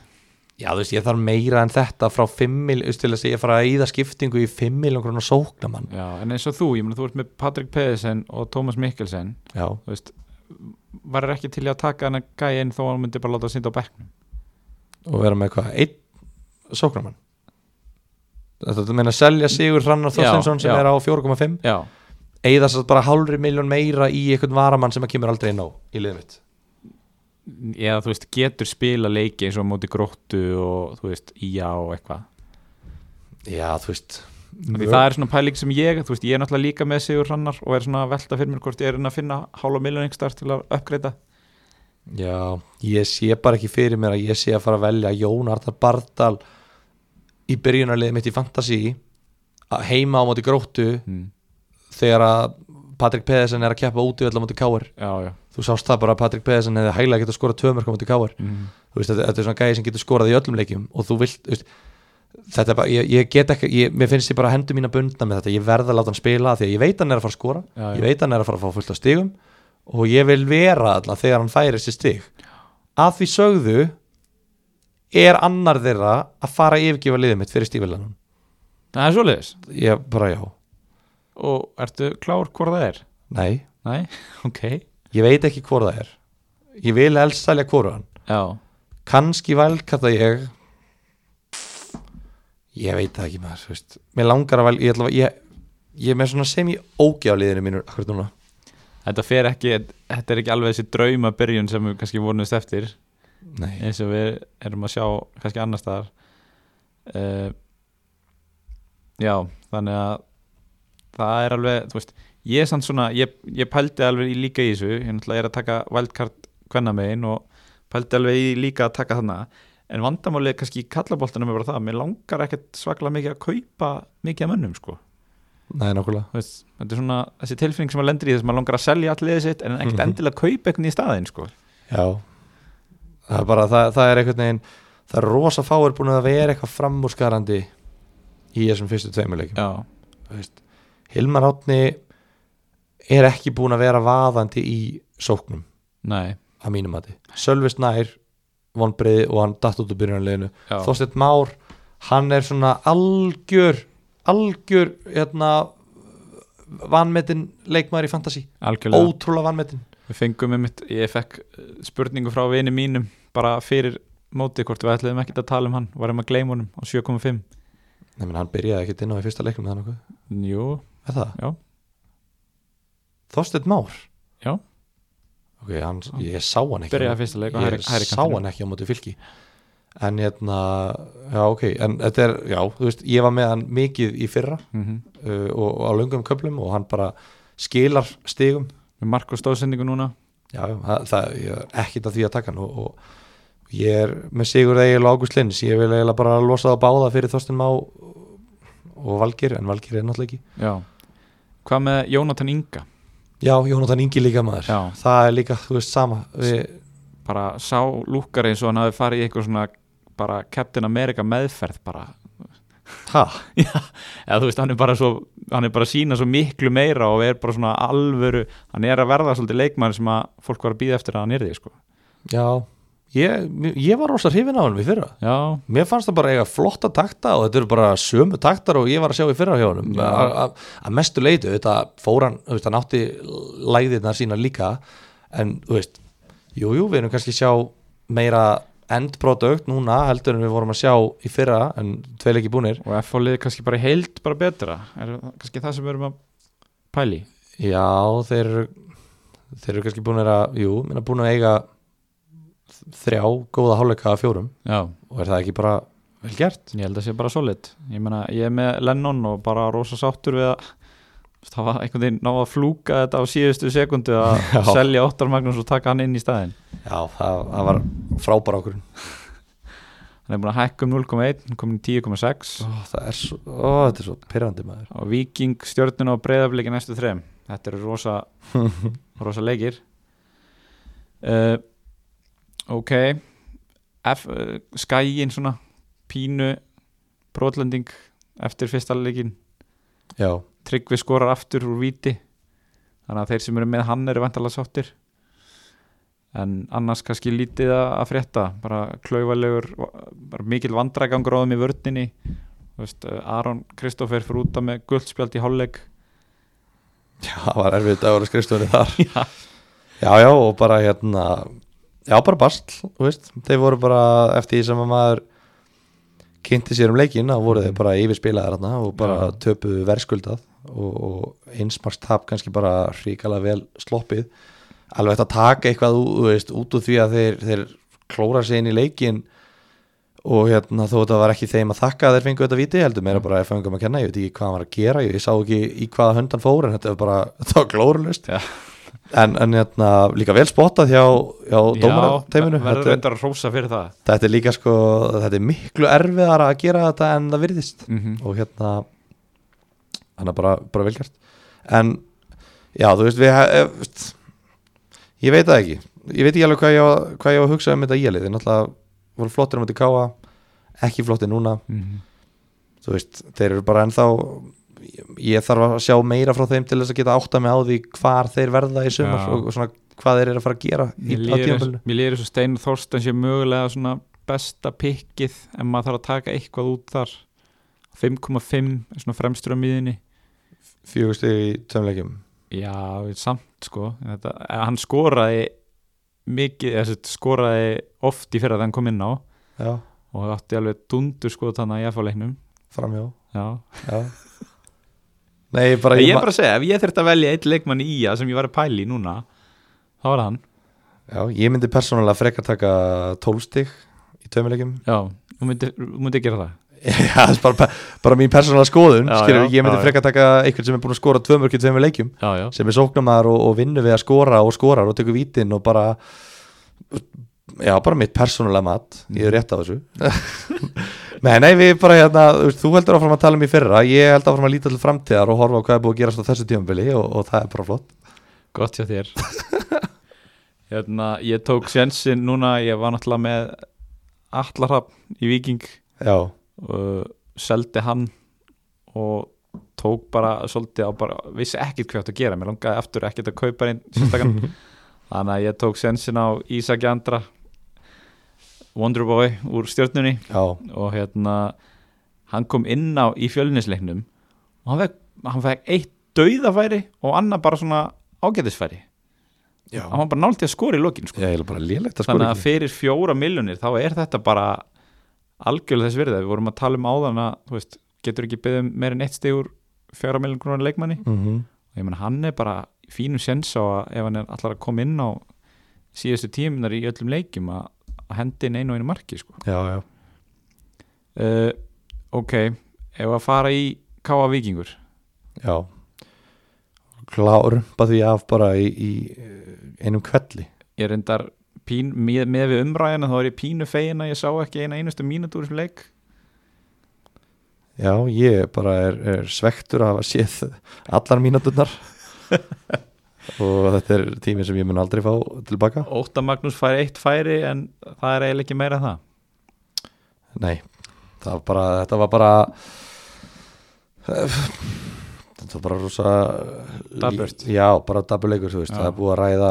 meira en nóg um þennan leik Já, uh, bara ekkert að gerast og, og við sem fantasy podcast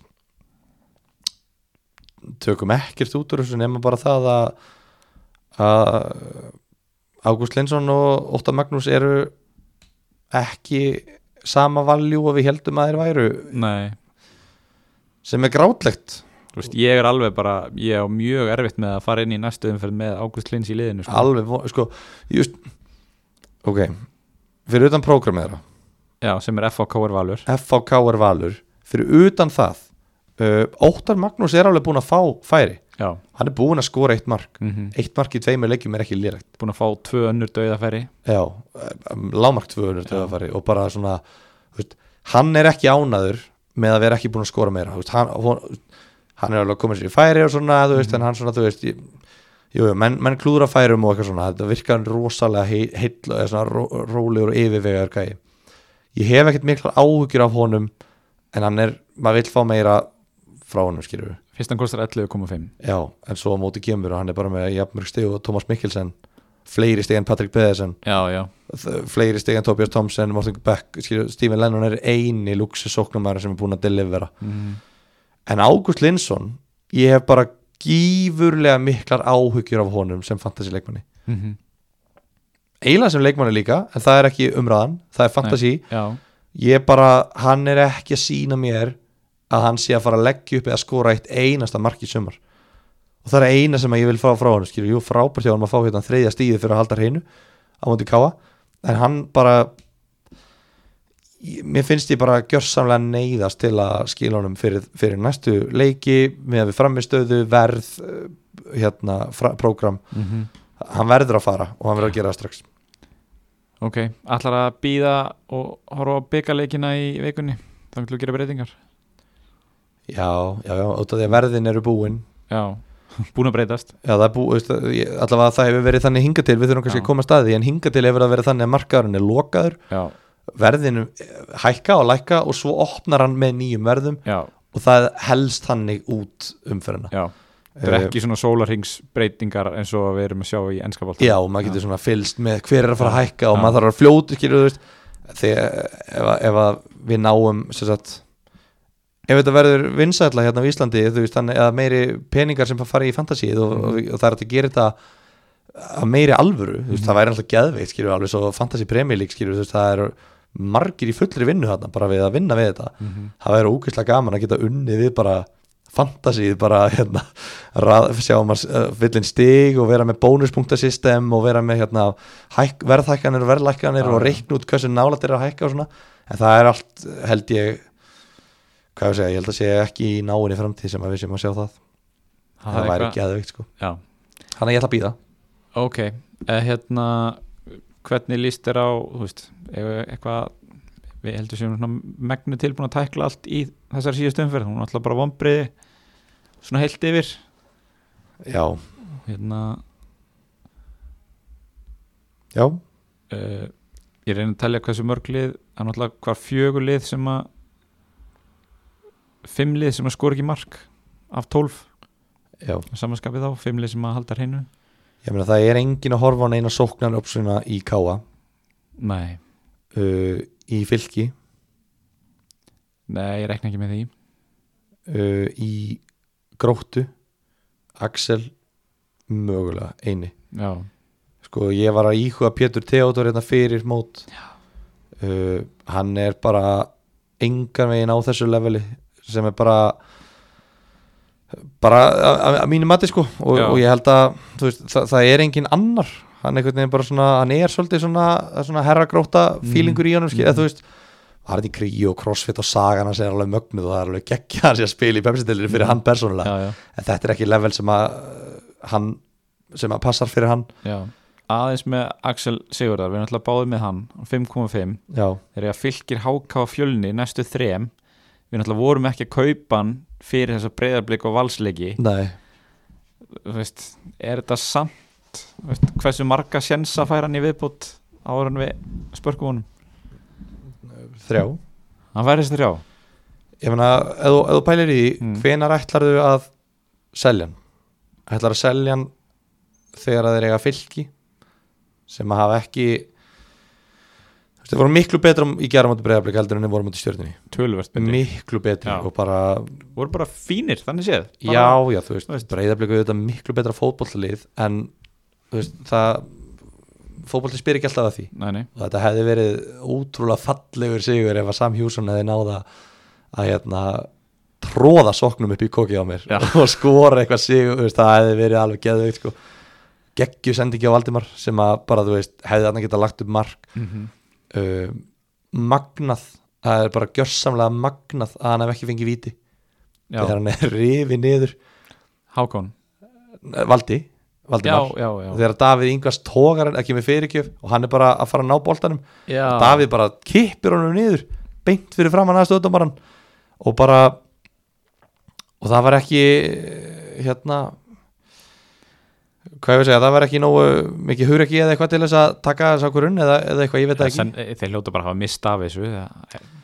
Já, ég sé ekki alveg hvernig maður hvernig Nei, nei. maður getur mistað Nei. af þessu en allavega það var ótrúlega að fá ekki víti þannig að Valdimar hefði alveg auðveld að geta fengið 13 stig í þessum leik já, Mér langar í Valdimar já þeir langar í hann Svolítið að snúa við vorum að tala um gróttu í vetaskýru en Já. bara hérna Mér langar í Valdimar í stæðan fyrir Sigur Egil já, ok Sigur Reyl og Gústi Hlins á le- mögulega á leiðin úr liðunum okkar Ég er að, ég er að þegar, eftir því sem ég tala meira um þetta ég er að pælja valkarta sko eða, Bara Sigurður, Ágúst Leins Já. út, uh, Valdimar inn Þorsteinn Már inn Já. eða Jónatan inn já, þú veist, uh, Axel jú, jú, hann, hann getur alveg verið að áfram Stephen Lennon inn uh,